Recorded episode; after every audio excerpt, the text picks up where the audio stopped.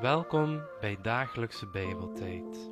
Ik ben Liam en ik heb het verlangen om mensen te motiveren om dagelijks bezig te zijn met het Woord van God. Dit doe ik aan de hand van korte boodschappen met een gebedspunt en een korte, optionele opdracht die jij kunt uitvoeren. Heb je vragen, opmerkingen of toevoegingen, dan kun je ons contacteren via dagelijkse.bijbeltijd.gmail.com. Veel luisterplezier en God zegen. Na de geweldige boodschap die we gisteren gekregen hebben van Peter, gaan we vandaag terug verder met onze studie in Hebreeën 11. En we waren al bezig met vers 7 en vandaag gaan we hierbij ook vers 7 afronden. En ik lees Hebreeën 11 vers 7 nog eens. Door het geloof heeft Noah, toen hij een aanwijzing van God ontvangen had van de dingen die nog niet te zien waren, uit ontzag voor God de ark gebouwd tot redding van zijn gezin. Daardoor heeft hij de wereld veroordeeld en is hij een erfgenaam geworden van de rechtvaardigheid die overeenkomstig het geloof is. En wat Noah ons leert, is dat onze daden en onze woorden een veroordeling moeten zijn van onze goddeloze maatschappij.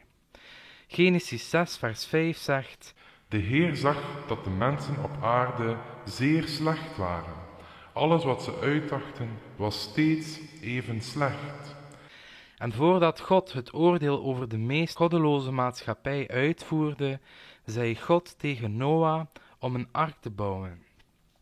En de ark werd niet enkel een schip, maar de ark werd ook een symbool van leven en redding voor allen die in God geloofden. En voor zij die niet in God geloofden, was de ark ook een symbool, namelijk het symbool van dood en oordeel. En terwijl Noah de ark aan het bouwen was, preekte Noah ook het aankomende oordeel. Petrus noemde Noah ook wel de prediker van gerechtigheid. Dat lezen we bijvoorbeeld in 2 Petrus 2, vers 5.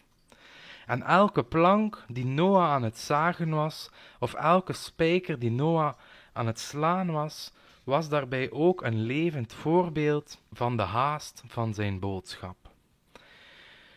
Gods waarschuwing was heel streng en zijn boodschap kwam wel echt heel angstaanjagend over. Maar 120 jaar lang gaf God zijn geduld en genade.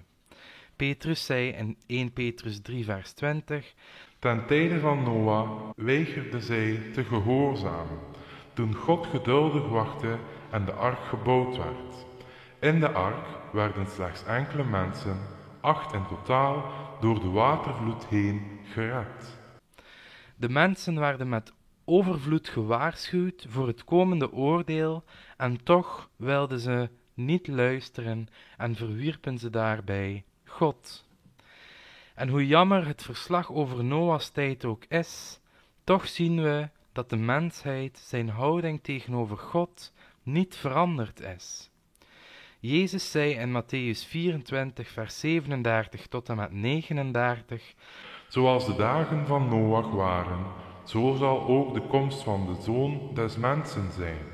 Want zoals ze bezig waren in de dagen voor de zondevloed, met eten, drinken, trouwen en ten huwelijk geven, tot op de dag waarop Noach de ark binnenging en het niet merkte, totdat de zondvloed kwam en hen allen wegnam, zo zal ook de komst van de Zoon des Mensen zijn. En net zoals Noah moeten onze daden en onze woorden gerechtigheid verkondigen aan de mensen rondom ons. En wees er dan ook trouw in om dit te doen, ook al willen de mensen niet luisteren. Nadat Noah 120 jaar lang hard gewerkt had, en terwijl ook het komende oordeel aankondigde, gingen slechts acht mensen de ark binnen. En God sloot de deur van de ark.